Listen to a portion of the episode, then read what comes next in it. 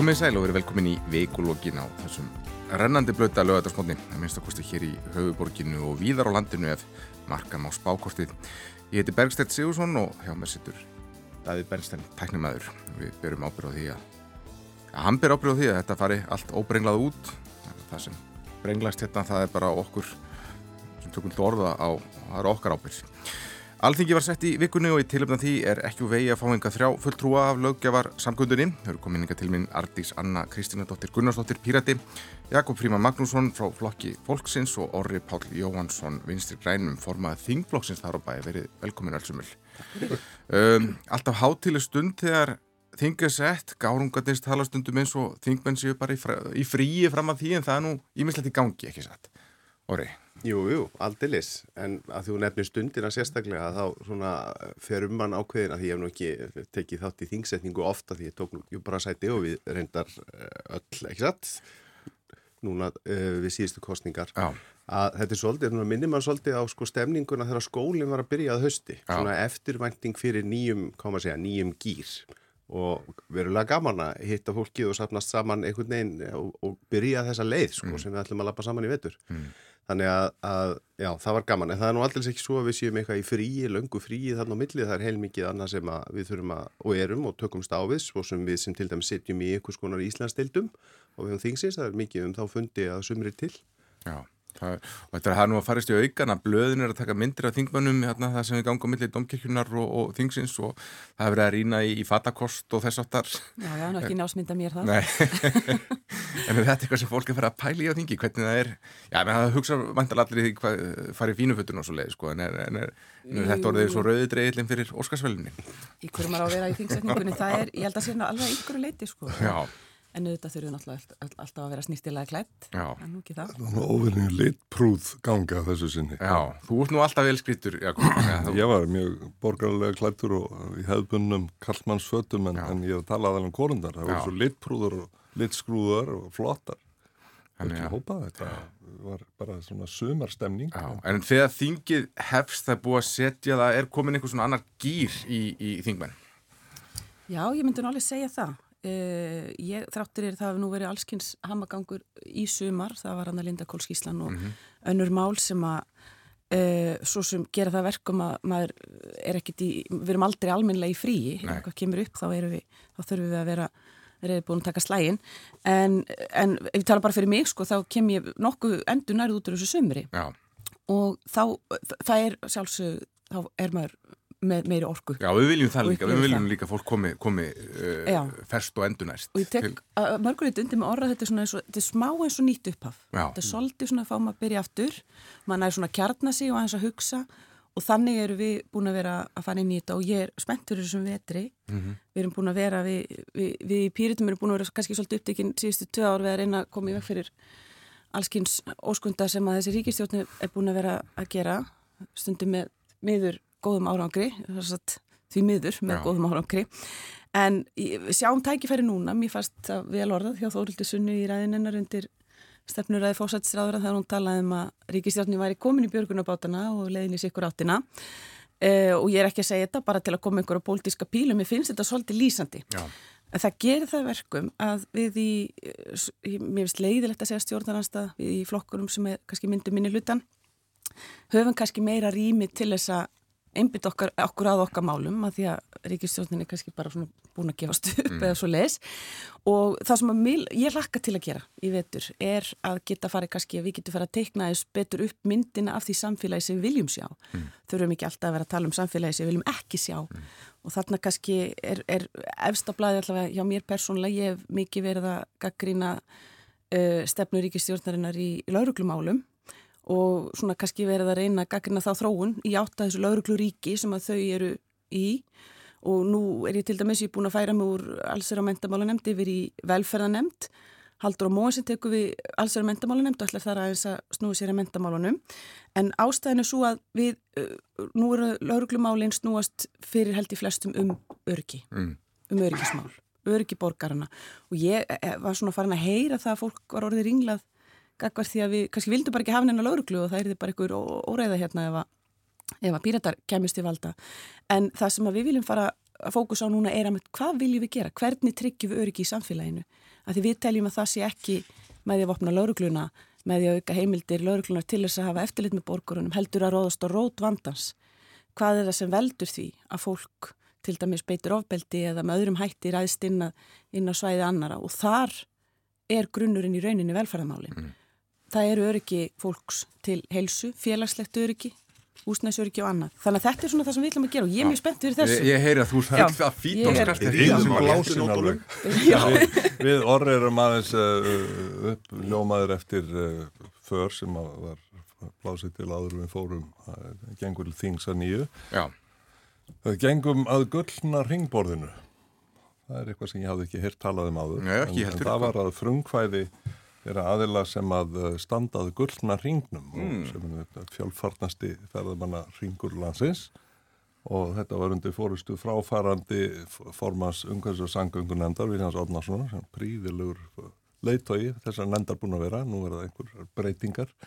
Og í þessari ferð þá þá uh, svona skertist aðeins hjá manni á þeirri sín sko sem það er einhvern veginn að fengja áður að þessi gullni ringur er einn af fjölmörgum ringum, ringin kringum landið sem að mynda þessa, já, við skulum segja ferða keðju í þessum nýja í þessu nýja Disneylandi sem Ísland eru orðin upplifunar og skemmtigarður miljóna manna og þetta hefur gerst alveg ótrúlega skamum tíma. Enginn var við þessum við þessu búin Já, og þetta er, er bara að fara að vaksa og vaksa og vaksa og fyrir kannski eftir í hvernig, hvernig maður lítur á þetta og hvort að manni, maður hlustar á uh, fyllist hryllingi eða, eða gleðið þegar maður er þetta alls ekki, það er hins vegar það sem að Artísanna var að tala um er, er, er einn af svona áskorunum í þegar að verður svona mikil fjölgun mm. fólki og þá er það áskorun á helbriðskerfi nú ámentakerfi, það eru fjöldi barna sem eru allt ínum komin og þurfa að sína mentun og mhm. umönnun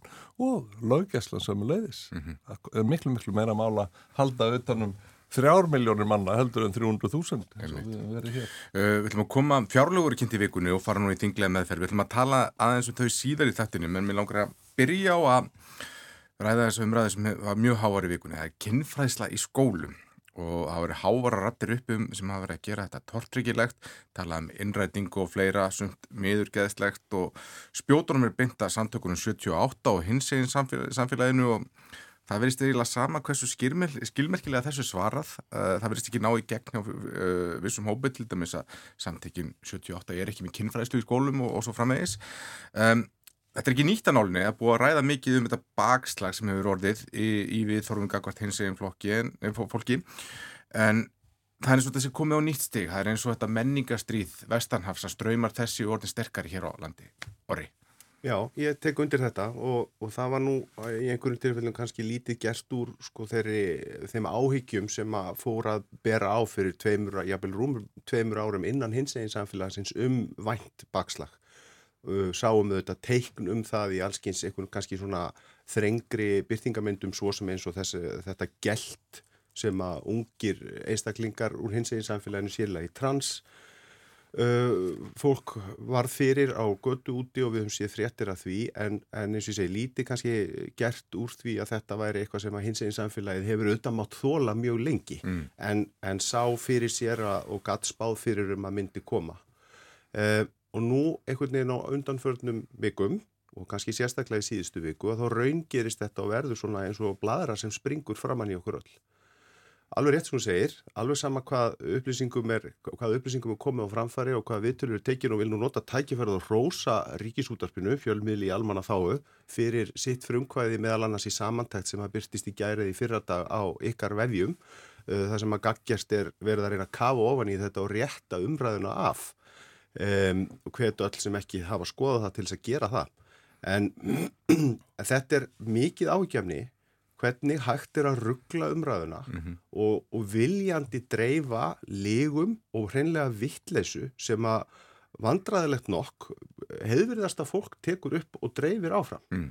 Eh, og maður langar kannski þessu tilumna því að maður sér að samskiptamillarnir loga að þessu, kannski sem betur fyrr, vegna þess að það gerir það verkum að það eru fleiri sem er að gera sér gildandi í umræðinu heldur en endilega þau sem til er hins í samfélaginu eða endilega þau sem er í einhverjum þröngum hópi fólk sem að virkilega bara hatar að ég rakst á, á stöðufæslu hjá Svavari Knúti tónlistamann í gær þar sem að hann dregur þetta ágætla saman um allt í lagi. Ef maður gerir mistök uh, hleypur á sig eða dreifir einhverju vittlesu og gerir sig grein fyrir því það er þá bara að viðurkenna það og vera meiri maður eða meiri manneskja í því að viðurkenna það.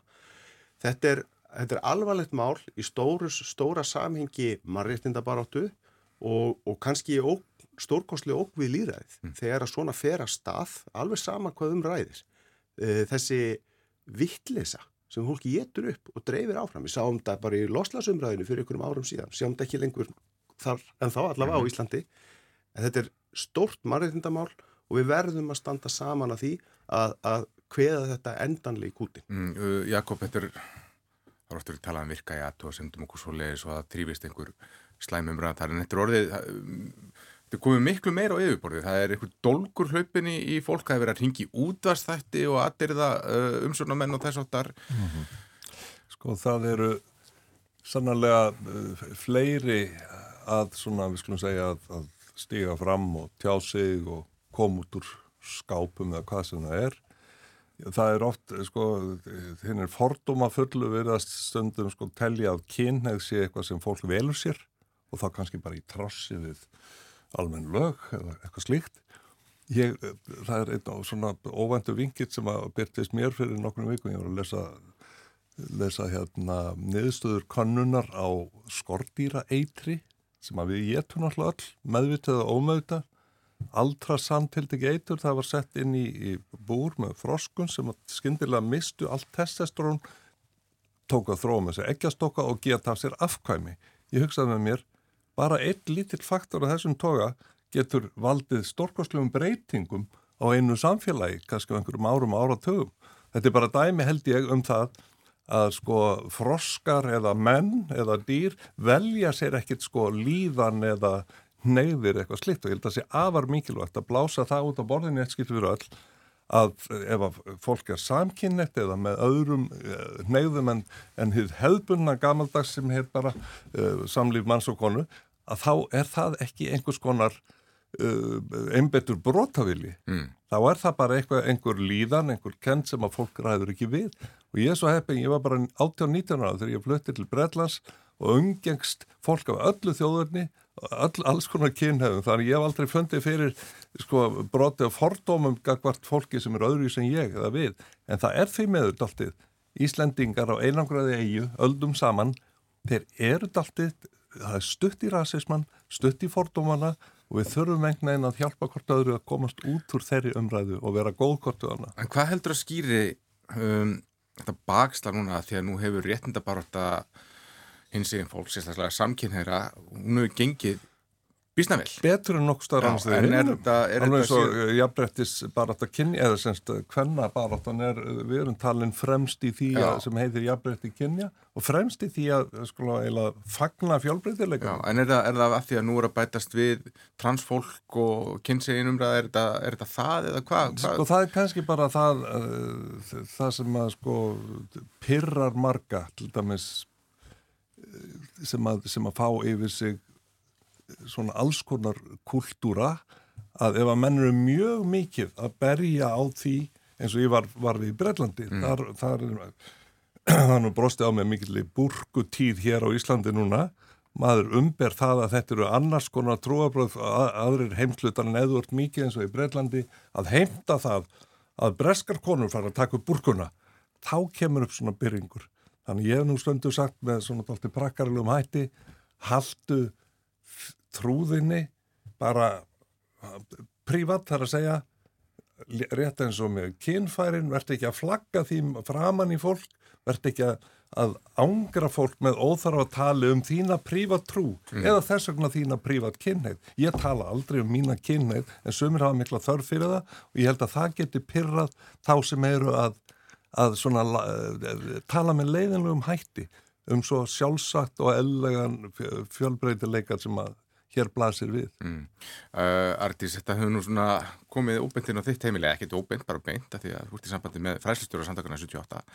Uh, hvernig hefur þú upplifað þetta, í vikunni? Þetta hefur auðvitað verið mjög erfitt bæði bara í verandi hluta þessu samfélagi en auðvitað líka bara, líka bara persónlega stendur mér næri. Hins vegar, uh, mér langar aðeins að, aðeins að svara því sem Jakob er að segja, en ég, ég hef nú haldið að væri komin talsveit lengri það að velta fyrir ykkur hvort að kynnið sé, sé valið ekki. Ég held að það sé ekki, ekki hvað við segja, umræða sem við erum með á Íslandi í dag, og þó, svo einmitt sér maður, sér maður hérna, þó það væri það, það er það, er það sem ég er að segja, þó það væri það, hvaða máli skiptir það. En mér langar aðeins að koma inn á þetta með að flagga, flagga kynneið vegna þess að það er svolítið þannig að þegar við erum í forrættundastöðu og við erum hluti af norminu, mm -hmm. þá áttum við okkur ekki á því þegar við erum að flagga því. Og mér langar bara að tala um eins og bara romantískar ástafmyndi sem að við horfum á hverju kvöldi og hverju heimili og það er að það er ekkert að fela þær fyrir börnunum.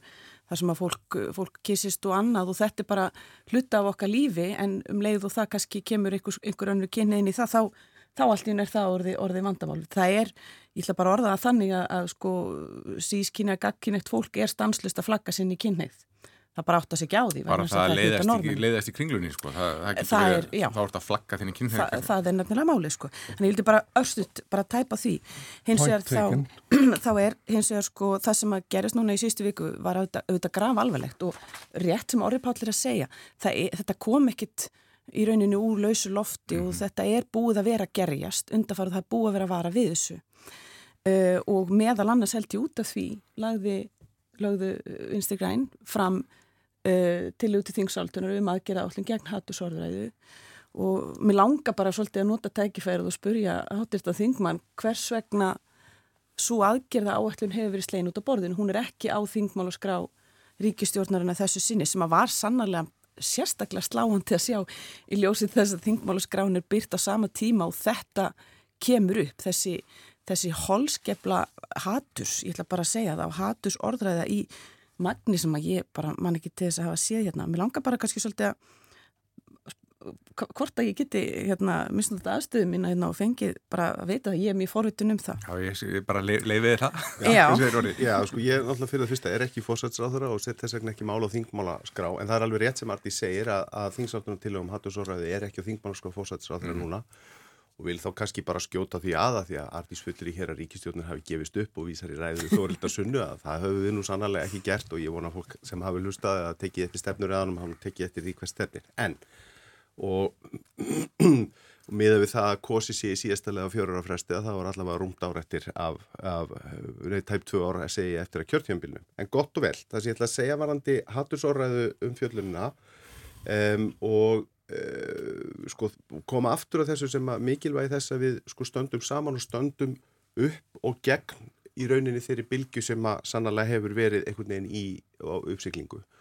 Þá vekir nú til að mynda aðtegli á sameiginleiri yfirlýsingu stjórnvalda og uh, fræðslu aðalagas og sveitarfélagana sem að tekur í mitt á þessum málus út að spyrjum, mm. kynfræðsla versus hinsegin fræðsla og hvernig er staðið að þessu. Um, sem að segir okkur þá líka hvar åtta fólkið okkar til og með fórsættisar á þeirra stendur í þessum málum og þingsálduna til að eður ei um hattusorraðu að þá held ég að dæmin síni og sanni svo sem með uh, framkomnu frumarfi sem varðar lögum í tí fórsættisar á þeirrum kynrænt sjálfræði sem setur þær skildur á okkur hinn að virða að virða það hver stað einstaklingsins er og það má ekki gleyma því heldur þetta er ekki spurning um það að við hinnum eitthvað valum að hafa skonir á því hvort þú þessara kynniðar eða ekki þú átt bara að virða það mm -hmm. hver staðan er. Sjálfsög. Þetta eru lög í landinu og við skulum lúta þeim. Mm.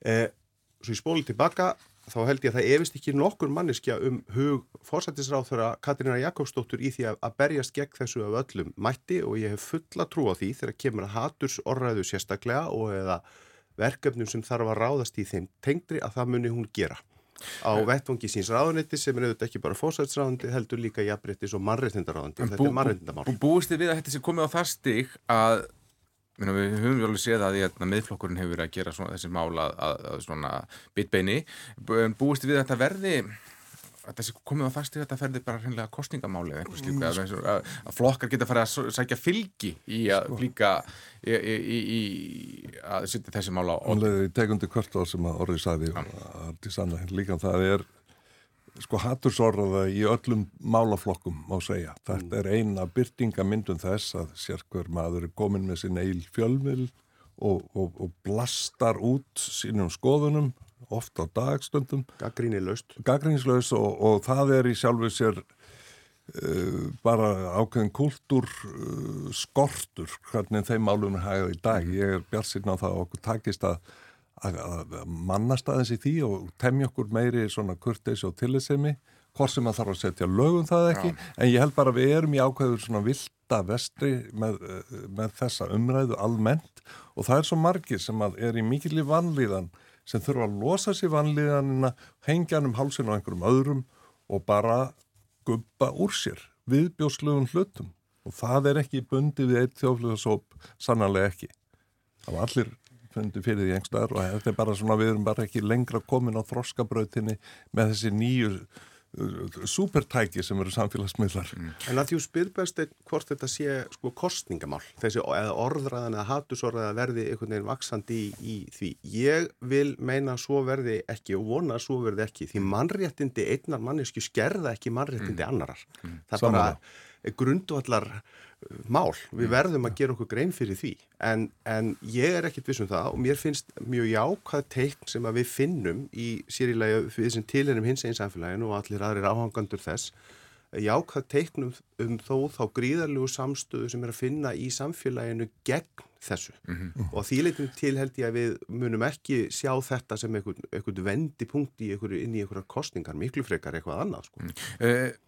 Svona talandum hattursorðræðu og svona þeim, þeim svona álitamálu sem því fylgja að einn af þeim sem lögðu orði í Belgi í vikunni er bloggari sem skrifaði pistilum að samtökjum 78 var að halda varasumum kynlífspælingum að skólabörnum og þetta er pistil sem hefði líklega ekki vakið aðtegli ef, ef morgumblæðið hefði ekki lift honum upp í staksteinum á 50 dag þegar blæðið er í frítrímingu en þetta hefur dreyið dilka á eftir sér, nú er hérna Eh, rektor listaháskólans hefur uh, beðið um að viðtal sem hún var fór í að það verði ekki byrt nema þetta verði dreigð tilbaka og beðið stafsökunar en bloggarinn er kennari við fjölbrytarskólan í Garðabæ. Skólamestarinn skrifaði fóröldrum bríf þar sem hann segir að hann get ekki sagt þessum bloggara upp sögum uh, skrifað sinna þetta þessi hluti hans tjáningafrelsi en nefndum verði ekki gert að fara í tíma til hans Ardís Anna, uh, Píratar, þetta var lengi flokkur sem gerir mikið út á tjáningafelsið. Hva, hvað segir þú um þessa, já, gerir enn, hvað segir þú um já, stöðu skólastjórnundans í, í þessu máli? Þetta er, einmitt, þetta er einmitt mjög áhugavert mál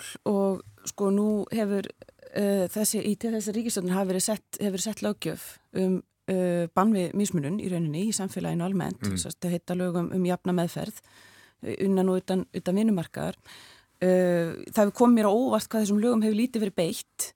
Uh, þau ganga út á það að bregðast við akkurat því sem að Jakob vil kalla einhverja svona uh, bara eitthvað svona dónaskap. En það þetta er bara gengið miklu miklu lengri en það. Svo umræða sem að við erum til dæmis að sjá núna þetta er haturs orðræða og uh, sannarlega er þetta tjáningafrelsið einhverleiti er, er flóki hugtak. Það er, ekki, það er takmörkunum háð eins og, eins og allt okkar frelsi mm. vegna þess að frelsi okkar það takmarkast af réttindum annara. Uh, þetta mál finnst mér áhugavert vegna þess að þetta er svo gróft. Það eru er mjög gróf, gróf orð sem að hann viðhefur þessi kennari en skólin einhvern veginn uh, þorir ekki að taka slægin við hann kannski liggur það ljóst fyrir það, það, það eru fordómið fyrir því að, að, að kennurum hefur verið sagt upp vegna skoðanir á samkynniðum og, og, og skólar hafa þurft að borga bætur. Akkurat, og þetta er eitthvað sem ég myndi perso, ég hefði persónulega vilja sjá ríkistjórnar að taka miklu miklu ákveðnar á.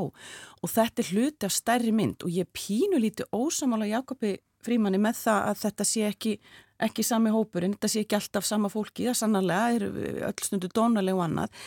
Það er hins vegar staðreind að helsta ógnin í okkar samfélagi í dag er uppgangur það sem er kallað öfga hægri öfl, hvort sem það er að það er rétt orðið eða ekki og það eru aðila sem ráðast að minniluta hópum og það eru, eru hins einn fólk, það er grundulli þjóðirnis, það eru grundulli þessar hluta, þetta er ógnin og þetta er það sem að lauruglan hefur staðfest.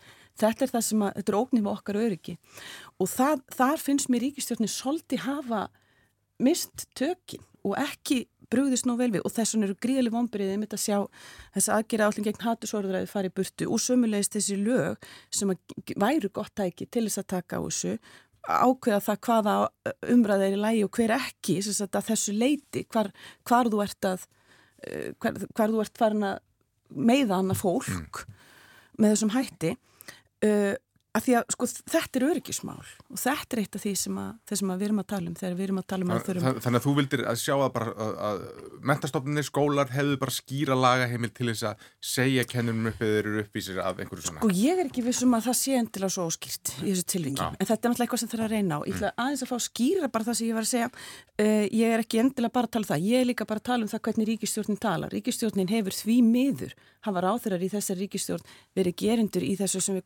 það, sem að er, skapar miklar, miklar hættur í samfélaginu með því að gera, gera flóta fólk að einhvers konar ógn, stilla þeim upp sem einhverju ógnu við velferðsamfélagana sem þau eru ekki. Og þar hefði ég vilja sjá ríkistjórnum að tala bara miklu skýrar. Það þyrti bara mínu mati fara í herrferð bara auglýsinga herrferð bara. Man, ég held að hafa verið yfirskrift einnar herrferðana frá Rauðkorsun var hérna Uh, ég, man, ég man ekki hvernig þetta er orðað það er í rauninni bara ekki, ekki verið að fá þetta sko. mm. veist, bara það þarf, að, þarf að laga þetta það þarf að ákveða hvernig við ætlum að tala saman í þessu samfélagi mm. Ef við setjum svona punktin kannski á þetta dæmi hérna í í, í, í Garðabæði þetta, já, er þetta óskýrt að þínu viti, Orri? Já, ég, ég ætla nú ekki að koma inn á þetta með fullinningar um ríkistjórnina hér, en sko varðandi Garðabæina og þetta dæmi sem þarna er nefnt, ég meina það er líka mjög skýr kvöð á skólamisturum sem að leiða þá starf hver skóla fyrir sig að fylgja námskrá Mm. og námskrá kveður á um ákveðin á, ákveðinar upplýsingar og ákveðið, ákveðina samstillingu í því verandi með mentakerfið sem eitt af okkar velferðarkerfum og eitthvað sem við reyðum okkur á og treystum á og viljum að við getum treyst. Hvað sem við erum nefndur og fóreldrar. Um, um upplegg í fræðslu, við vorum að tala hér um hins eginn fræðslu aðan og, og kinnfræðslu líka.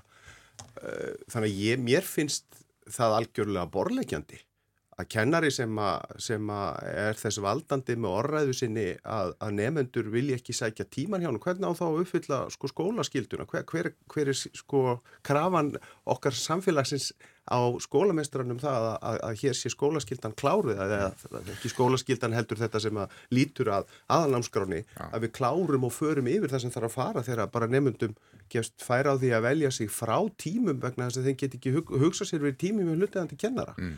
Veist, mér finnst þetta ekki ganga upp, sko. ég bara sé þetta ekki ganga upp. Jakob, tjáningafælsi er mikilvægt og þetta er okkar, okkar einn heilagastir réttur en það eru ákveðin störf, ekki satt, það sem maður þarf að velja að undirgangast einhvers konar skerðing og tjáningafælsi. Það, eru, það er eitthvað, ég meina, ég sem fjölmjölamæður, ég get ekki verið að básúna allt eftir, ég meina, ég þarf að gæta ákveðnar hlutlegni og svona, þá, þá situr maður stundum á stráksínum og svona Nei, að það, er að skipta skoðun stettarinn með það. Um, og við getum það málu fara rauk fyrir því að það eitt ætti að eiga við um kennara til dæmis í svona málum að, uh, að því að þeir eru, þeir bera ábyrð einhverja á óhörnuðum ungmennum. Jú, jú, það er alveg hárétt og þessi tiltekni náungi er nú fastagestur í staksteinum og er nú þar yfirleitt svona hálfur skemmtikraftur sko í, í mínum kreðsum sko Mm. því að hann fer alveg þvert á það sem heitir svona politically correct viðhorf Já, og þá kannski þessu sem öðru sko. Ég myndi nú ekki taka þetta neitt rosalega alvarlega nema að sjálfsögðu myndugur skólastjóri myndi eflust taka til mun harðari sko, viðbræða og það kann að eiga eftir að gerast. En að sjálfsögðu er þetta ekki eins og maður vil að kennara tala við börnin. Og að sjálfsögðu verða menn, fjölmiðla menn, kennara, stjórnmálumenn, allir sem eru sko, í, að, að vinna hjá hennu ofinbyrra með skattgreðendur sem sína vinnuveitendur bara gæta að sér.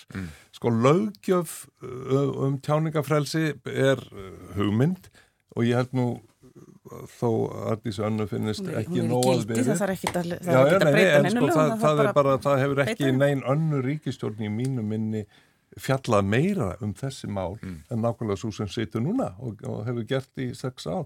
Þannig að, að, að, að stíga fram með lögjöf sem heftir tjáningafrelsi um tiltekin mál, það er ansið stórum og vandarsamar hlutur að gera. Ég hugsa að menn séu bara ekki búin að hugsa það mál til enda. Þannig að þess vegna er kannski ekki verið að hvað setja það fram. um. Nei, ég er að tala um sjálf, þetta hattursorraðu Uh, Já, aðgerða Já, já, áallin. Það er náttúrulega bara aðgerða áallin. Já, já, en enga síður, það er, það er verið að tala um það að fara að hefta tjáningafrelsi manna. Ég held að við sem samfélag... Tjáningafrelsi er, er, er, við, við þegar sko, lögum því fylgir skorður. Sko. Við þurfum bara að, að, að ef við ætlum að fara inn á þann akkur á samfélagsmiðla vettongi, þá er það alveg sko gigantísk hérna, aðgerð að fara í og, og, og hefur verið mjög umdelt eðlega meðan aðrir telja að það sé ekki nægilega skýramum það sem má og það sem ekki má. Mm. Vegna þess að bylið á milli samfélagsmiðla og fjölmiðla er orðið mjög óljóst og þetta smitast alltaf milli og menn láta ímislegt vaða á samfélagsmiðlunum sem fjölmiðlar til skamstíma hafa ekki vogað sér að, að endur taka en eru farnir að gera í vaskandi mæli. Þannig ég er sammála því að þetta er málaflokkur sem krefst mikillar í grundanur umræðu og ég er ekki að lýsa mig andviðan einu eða einu en ég ætla að segja bara að þetta við tekið mikið pláss í þinginu þessi umræða og gaggrinni á þessar hugmyndi fram og tilbaka og ég er fylgjandi því að við reynum að forgangsraða mikilvægustu málunum, það er óbásla mikið af brínum málum sem mm. blasir við okkur núna og, og þetta er á listanum en í mínum höfu ekki það, það lang brínasta til þess að eigða mörgum sko málþófstögum í. Mannréttinda mál og mannréttindi eru samfélagslegt verkefni líka. Sem við höfum náð betri áragur í orri heldur en nokkur önnur þjóði heiminum, notabenni, bakslægi núna held ég að sé nú bara eins og gerist, það er stormur í vasklasi í einhverja daga og vikur svo er það bara næsta. Já, þannig er Ísland Það er náttúrulega ekki þannig við hins eginn samfélaginu svo stanir í dag. Við sem ekki gera lítið úr þeim sársöka sem fólku upplifir í þeim stormum Nei, ég, bara, ég er að segja, allt hér á Íslandi verður risastort í nokkra vikur, nokkra mánuði kannski og svo bara næsta, það er aðteglisbresturinn págaukurinn í okkur sem að heldur ekki þræði. En nú er þetta náttúrulega ekki að gerast bara á Íslandi, þetta er eitthvað sem er búið að vera að gerast út í heimi með mun alveglega hætti og er að færast hinga til hans og það er gríðarlega mikið ágefni. Ég held að þetta sé ekki einhver umræðu bóla sem áttur að springa eftir tvær vikur fyrir utan það sem Orðurpáll var að tala um hérna áðan að þetta er búið að vera að gerast í mjög langan tíma. Grassera. Á sama tíma og við erum fremst í heimi í því sem að heitir jafnrétti kynja og í því sem að heitir fjölbreytti leikin og allt það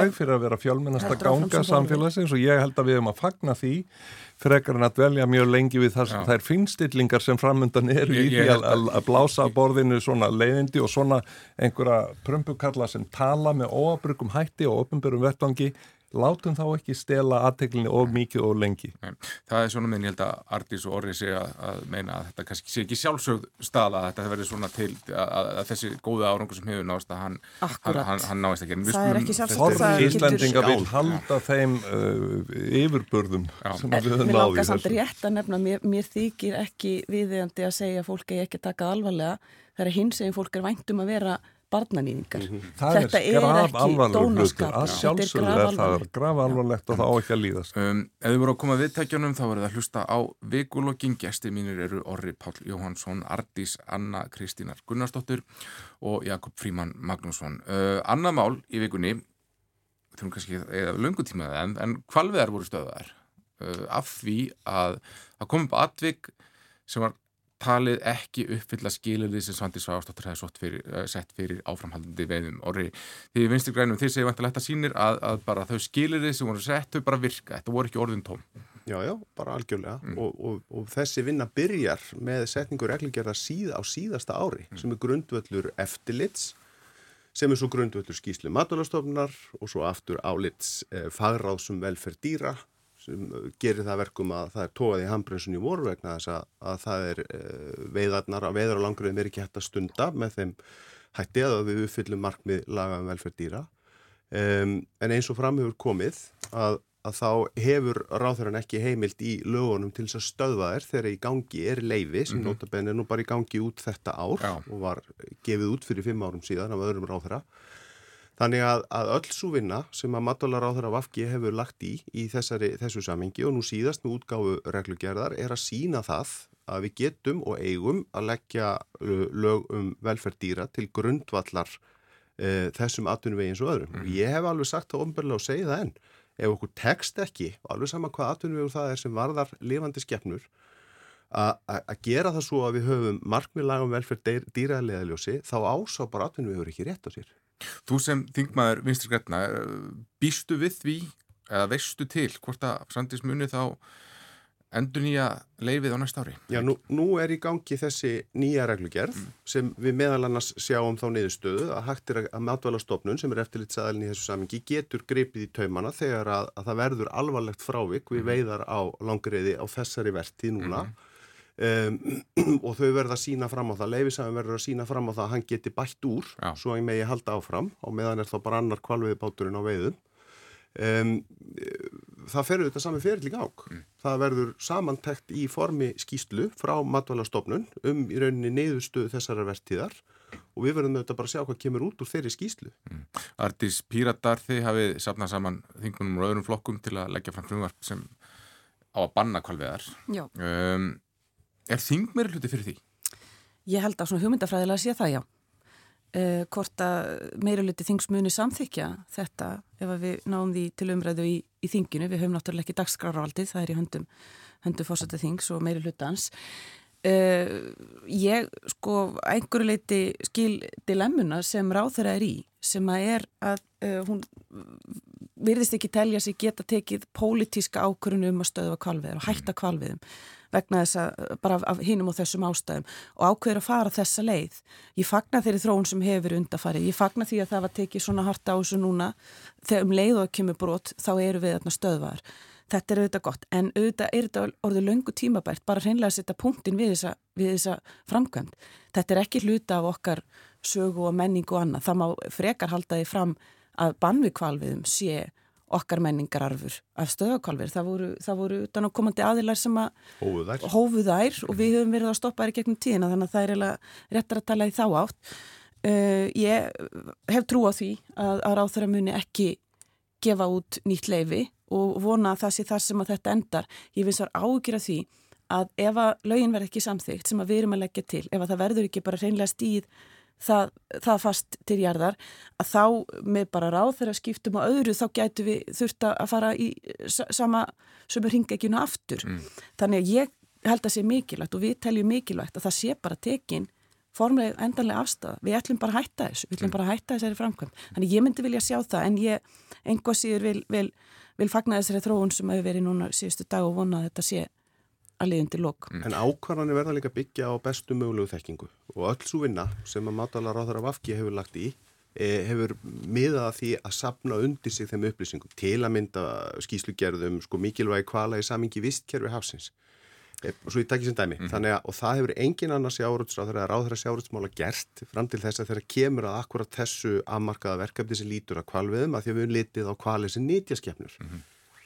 uh, Jakob, þinn formaður, Inga Sæland, mm. hún hefur talað ákaft gegn kvalveðum en líka gaggrínt söndið sér fyrir offors í, í þessu máli. Sko, Inga Sæland hefur uh, með hérna atvilgi allra í flokki fólksins að þingflokknum verið mjög öll talsmað dýravendar mm. og þess að hverskins dýranýð skuli ekki liðið samanbyrg hval hérna, blóðmeramálið og, og annars líkt og það er ekki vist að, að, að þorrið þjóðunar hafi gert sér grein fyrir hversu ógeðfeldar þessar aðferðir hafa verið og liðist. Það er leið fyrir áratvíi.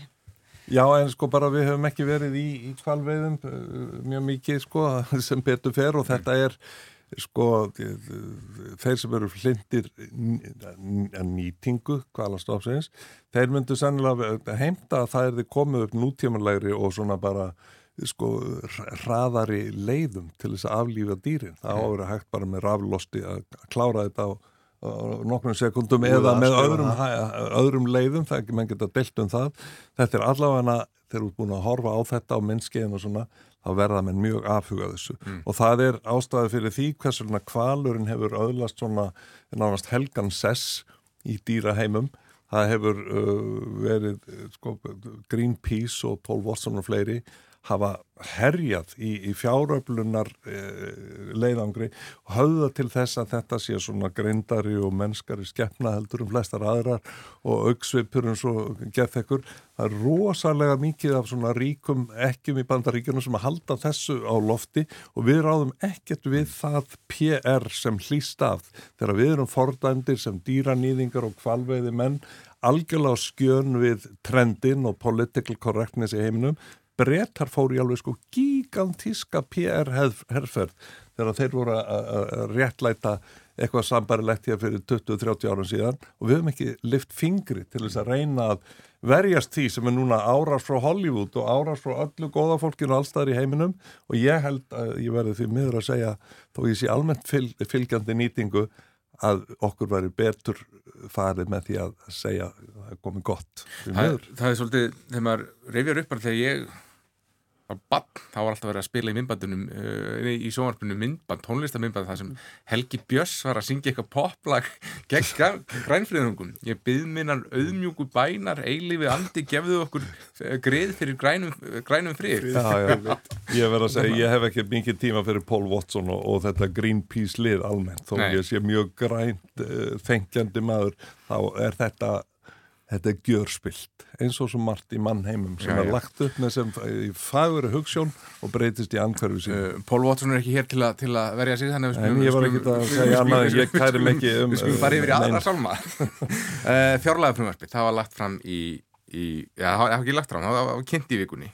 Það var að lagt fram síðan, það búið ekki þannig að það er komið í þinglega meðferð. Uh, betri afkoma en vonast að til samt skuldaklafi sem þarf að vinna niður Ríki ætlar að sína aðhaldi rekstri, fækka, auknum, fækka stöðugildum í ofnbæra starfsmanna, auka álagur á lagseldi í ferðarþjónustu og setja, setja notkunargjald á rafbíla og, og svo eitthvað sé nefnt. Hvernig, hvernig líst ykkur á þessu fjárlug, Artís? Uh, Sko, það, og ég giska illa e, það er ekki það er ekki fyrsta orðið sem ég myndi velja. Sko, það er það sem að kannski enginir þessi fjáralög er ákveðið svona stefnuleysi. Mm. og þetta var tíðrætt, ég held að þetta komið fram í máli margra þingmanna e, í umræðinu sem að voru í gera fyrir þetta að e, þessi, þessi fjáralög virðast pólitíst lítið ígrunduð Þau eru annars vegar eitthvað skonar viðbráð út í lofti, það er annars vegar eh, eitthvað svona flatu niðurskurður sem að virðist ekki vera neinn bein hugsun á bakvið uh, og, og ekki, sínir ekki pólitísk ráuslur þannig séð. Það sem að eftir stendur er alls konar hluti líka sem að uh, stjórnvöld komast ekki hjá því að eigða peningum í vegna þess að þau eru búin að taka misvitrar ákvarðanir áður. Mm og fyrir mér er náttúrulega nærtakasta dæmið er breytingar sem voru gerðar á lögum um útlendinga fyrir árunu sem áttu að hafi fyrir mér sér skilvirkni og verið í samræmi við lög á Norrlöndunum og allt þetta og í máli þingmanna sem stuttu það þó það ekki komið fram með greiningir frumhapsins þá mátti skilja það sem svo að því að þeim hefði verið ætlað að spara ríkisjóðu ekkert fjö mm. við það að vera að halda upp einhverju fólki sem á ekki derindinga eins og það var stundum orðað vandin er sá að þessar breytingar þær eru byggðar á röngu fórsöndum og það gerir það verkum að þær hafa með, með, í för með sér meiri kostnað en ekki minni. Ég held reyndar að tilgangur þessara lagabreitinga hafi alls ekki verið að minga útgjöld ríkisjós. Ég held að þessi ríkistjórn sé reyðubúin að eigða ansi miklum peningum í að sína fólki að það sé ekki velkomið hérna. Þarna erum við að tala um 15 miljardar. Er, er það aukning á millára? Þetta er gríðalega aukning. Já. Þetta er bara gríðalega aukning. Mér finnst vera tímindu síðan að við vorum að tala um 6 miljardar og það mm. blöskræði manni. Mm. Uh, en er þá, er þá það fyrir, er það að fara í að flýta afgreðslum af því að það hefur talað um hversu, hversu dýrt það hefur verið að, að fólk fái bara hennilega svar? Uh, langstæsti hluti af því fyrir sem að fer ég að halda upp í því sem við getum kallað hérna hæliskerfi mm. fer ég að í rauninni að halda fólki lifandi og meðan það býður eftir svari. Mm -hmm. uh, þetta er mjög kostnæðsamt og þetta er vegna þess að málsmeðferðin er laung. Málsmeðferðin lengist með þeim lögum sem voru ákveðin vegna þess að það er til dæmis, uh, eru, það eru í rauninni búið eidilegja ákveðina tímafresti sem að voru settir í lögin 2016 og voru að mínu mati og margra annara einn helsta framförin í löggefinni á báða bóga. Það voru 12 og 18 mánu fresti sem að gera það verkum og fólk bara fekk að vera mm. ef að, að stjórnmjöld voru búin að taka á langan tími að vinna máli. Þessi frestir voru eidilæðir með lögunum núna síðast. Þessi gerða verkum að við erum að fara að sjá fleiri mál þar sem fólk er einna mánuðum jápil árum saman mm. á uh, uppihaldi ríkisins vegna þess að að meður þú að býða þá er, get, máttu ekki vinna um leður komi já þá farið þau bara aðtunleif og þú getur farið að hefja þitt líf og það mm. auðvitað þá þarf ríkið ekki að halda fólk uppi mm. Jakob, hverju hver, hver tekur þú helst eftir í fjárlega brumöfninu, hvað, hvað finnst þér gott og hvað má betur fara? Fyrst segja varandi það sem að Artís voru að segja sko, það, er, það er hægt að horfa á þetta eins og í mörgu annarkort ertu með hálf tómt glas eða hálf full sko. og við erum í útlendingamálum að gera svo gríðarlega vel við svo marga samanborið við nágranna okkar nærlegjandi löndum að finstillingar á þessum mekanisma, ég er alveg samanlega því að allt og allt og langur málsmerðfæra tími og það er þá er tekið á því og þá er það klára en það ansi, gerist ansi hægt fyrir minnsmæk.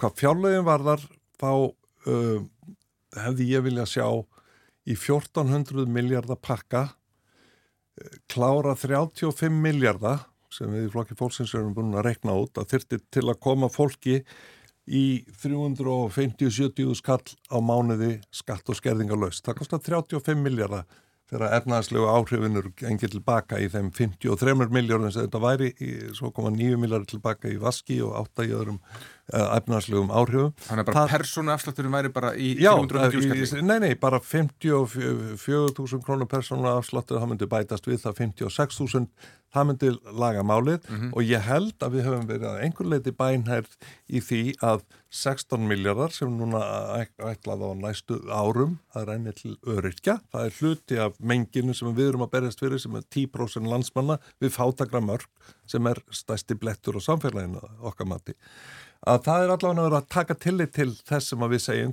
hvernig sem við segjum það við erum ímsa rattir inn í okkar þínflokki sumar aggressífur og aðra mikra eins og gengur.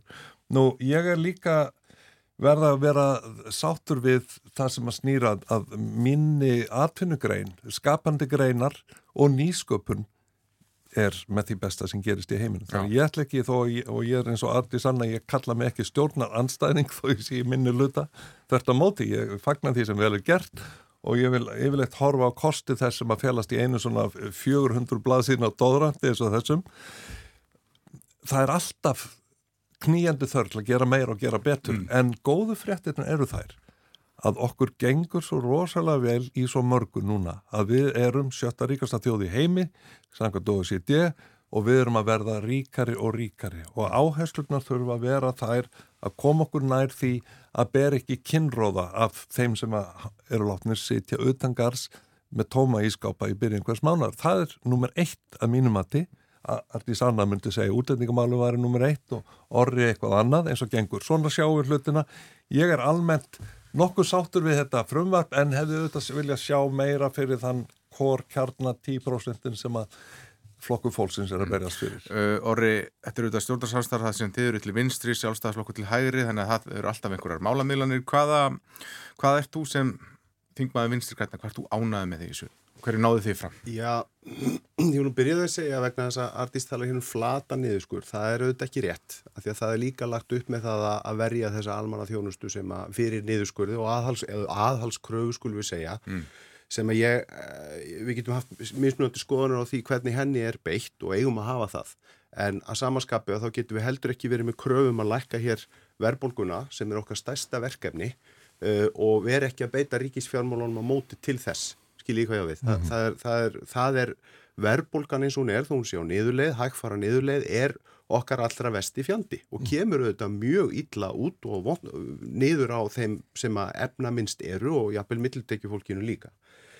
Um, og Gerir þá ríkur ríkari, þá fátakur fátakari. Já, já, ég menna á þetta, þá þó hafi dreyið saman Uh, og við fáum, förum vonandi yfir það í þinginu, mm. góða skýslu sem hefur nú aðeins verið til umræðu í fjölmennum undanfarið og Ósk, Ósk Pírata verður farið yfir það og fórsættisráður að ljúft og skilt að fara í gegnum skýslu um fátækt í vonandi þar næstu viku eða næstu viku í þinginu vegna þess að þetta er samfélagslegt verkefni sem við verðum að vinna að buga og það, ég heldur sem öll algjörlega sammála því Jakob mm, Fríman og þinn flokkur og reyndar fleiri hafi talað fyrir því að þarna þurfa að draga betur og mill og gera betur. Rétt sem hún segir 16,5 miljardur í, í uh, breytingar á almannringakerfinu sem er sannala á verkefni eða verksvið okkar í vinstri grænu, við erum með félags- og vinnumarkasar á þeirran og við förum að sjá á fyrstu spilin í því vettur og það verður mjög uh, forvöndilegt að sjá að það sem að hugmyndin eru þetta að reyna að laga til í kerfinu þannig að það þjóni tilgangi sínum eins og við viljum sjá hann. Um, mér langar kannski líka bara að segja því að Artísu og það var einhver vafi hérna um þessa 15 miljard að þetta eru heildarframlögin þvert á málefni útlendinga í það heila en að raunvirði aukast um 7 miljard á milli ára. Sko ég Til að viðbóta við 12 miljardana í þróunarsamfuninu. Já, já, þetta eru rosalega líka. peningar. Ég verð þá bara að segja eins og er. Ég sé nú bara ekki eftir einustu krónu í það að reyna að gera vel og vera hér þjóð meðal þjóða í ljósi þess sem að verður vaksandi áskorum fyrir allar þjóður heims, ekki minnst vegna lostasbreytinga, að við hjálpum staði að taka á þeim vanda sem er í heiminum. Við erum við erum að rík þjóð eins og við Jakob að Fríman bendir á. Já. Hins vegar er það algjörlega alveg rétt að málsmeðferðarhraðin hann þarf að auka, það hefur verið unnið að því og ég held við séum öll sammálum það að það er engin sangirni í því fólkin að fólk þurfa að býða hér eftir niðurstöðu sinni svo og svo lengi, alls ekki en ídrega það sé ekki eftir neittni krónu sem fyrir þetta, þó að umræðan hafi stundum snúist um það En- að þetta sé ægilegu kostnað En sem vinstri maður er eitthvað í þessum fjárlögum sem þú horfur að segja, ég vildi að þetta hefði verið öðruvísi. Já, ég get sagt um tekjuöflun Já. sem að e, ég er ánaður að sjá þau, þau, þau skref sem við erum með í tekjuöflun. Skulum bara taka sem dæmi varandi auðlindanýtingu uh, til að mynda uh, áformum hækkuna á fiskeldisgjaldinu 3,5% í 5% mm -hmm. að því að sko hliðar áhrif af því og við megum ekki gleyma því að í löndin í kringum okkur sem hafa verið að, að, að byggja upp þennan yðnað hafa líka verið að hækka sín gjöld og við erum þá líka tryggjað að vera í einhverjum takti í því samingi þannig að ásóknin verði gjöld hér. Við sjáum að annars konar auðlindanýting og annars konar ásóknin til að mynda vindi. Þannig að ég fagna því, þeim áformum. Uh, annað sem að ég er mjög ánæður með að það eru skemmtifærðarskipin sem eru þó undir núna þar að segja að gistináttaskatturinn hann verður lagður á aftur frá með áramótum og þar munum skemmtifærðarskipin falla undir það og þú spurðir hvort ég vilja sjá það einhvern veginn öðruvísi, já, ég vilja sjá komigjöld. Mm. Mér finnst að mörguleiti reynlegri útkoma þegar kemur að því að við, við vinnum með og styðjum við en tökum líka utanum þessa stóru atvinnugrein sem ferðarþjónustan er og hefur bara er standbrött vegna stuðnings meðal annars í gegnum COVID eh, er að skil okkur miklum tekjum að, að við ég hefði viljað sjá okkur vera með komigjöld í því þess að við erum bara með flatt gjald á alla það sem kom í landu og við notum þær tekjur til þess að styðja við innviðina og kerfin okkar sem að þurfa auðvitað að vinna með ekki bara þeim sem hér búa, heldur þessum ríflega tveimur miljónum sem við höfum von á til að mynda í ár. Ég hefði viljað sjá það að þú spyrðum sérstakka breytingu, Já. en það er ekki Það, það er mjög brínt mál sem hann er að nefna hérna vegna þess að við- það er fullt af slísagildrum sem eru að senda út mjög neikvæðar fréttir. Um, svo fyrir þetta þinglega meðferð og það er verið að tala um aðhald og svona og, og það gerist þegar þingmenn koma svona puttana í fjárlega frumvarspöða, þeir vilja alltaf eigða aðeins meira og ég gætnan heima í hér að því. Um, hvaða, hvaða breytingar sjáu þið fyrir ykkur að verði gerar? Sko nú var ég bara rétt í þessu að tala fyrir því að við myndum eða minna Já. og vil bara benda, uh, benda orðapáli á það og öðrum að þessi peningar sem eru að fara í hæliskerfi þeir eru ekkert að fara í það að hjálpa fólki. Þeir eru að fara í það e, að, að reyna að koma því úr landi. Það mun ódýrar að segja bara já og lefa fólki að byrja að byggja upp sitt líf. Ég ætla bara að vekja aðtakla því þetta er ekki peningu sem er að fara í hjálpastarf Þetta á- er málsmeðferinn, þetta er lögfræði kostnæður fyrir þessi einstaklinga og uppihalda meðan þeim er ó, gert ókleift að vinna. Ferðarsýstofnir í Venezuela getur farið á hausinn sko við þetta. að það er Bjóða hérna, ó- já, já, ókeypis ætla ekki dvöl að á Íslandi. þessa hallarislu umræðin allavega uh, það, mér finnst svolítið leðilt að sjá ábyrðaleysi ekki ábyrðaleysi heldur skort á því að ríkistjóttin taki ábyrð á sinni stefnu, það sést í þessum fjárlögum og það sést líka bara í máli ríkistjóttina eins og til dæmis varandi verbulguna uh, þessi ríkistjótt lætur eins og það sé eitthvað sem hún bara ráði ekkit við. Þau tæki sem Sæðlabankin hefur til þess að berjast við velbólguna velta auðvitað, þau eru takmarkast auðvitað af því umhverfi sem ríkistjórnin er búin að byggja upp með lögjöf Finnst þetta að vera meiri verðbólku hvetjandi fjárlög eða? Uh, sko, mér finnst þau bara að vera mjög, eins og ég ætla bara að sletta eins reaktív og þau, það er lítil Þannig að þú hefur verið að sjá hvað meiri, taka. me, meiri niðurskurði eða? uh, sko í þessum fjárlögum það, maður hefði viljað bara sjá miklu, miklu meiri pólitík, miklu meiri stefnumótin í því og það að því að þetta er líka uh, á meðan það er verið að gera þetta þá er ekki verið að gera hluti til þess að stemma stígu við verbulgunni með lögjöf og öðru. Mér langar líka benda á hvernig þessi ríkistjórn tala sem er áhyggjafni. Það, hún lætur eins og, hún ráði ekki neinu. Það er alltaf eins og þú séu, maður segir stjórnarnarstöðu. Uh, við erum með hérna ráþara mentamála á ýmsu stigum sem að hvart undan því að það er ekki til fjármunir í mentakerfi þess að það er að velja að við halda bara rótgrónum stopnunum eins og ráþara orðar það á meðan sko þau eru með fjárveitingavaldið þau eru með fjárveitingavaldið og forgangsuguna valdið og þau eru að velja að vera að eigða miljörðum og miljarda ofan í það að senda einhver skilaboð í þeirri vona fólk hætta kominga þegar við þurfum að fólki að halda í stað þess að byggja upp til dæmis mentakerfið.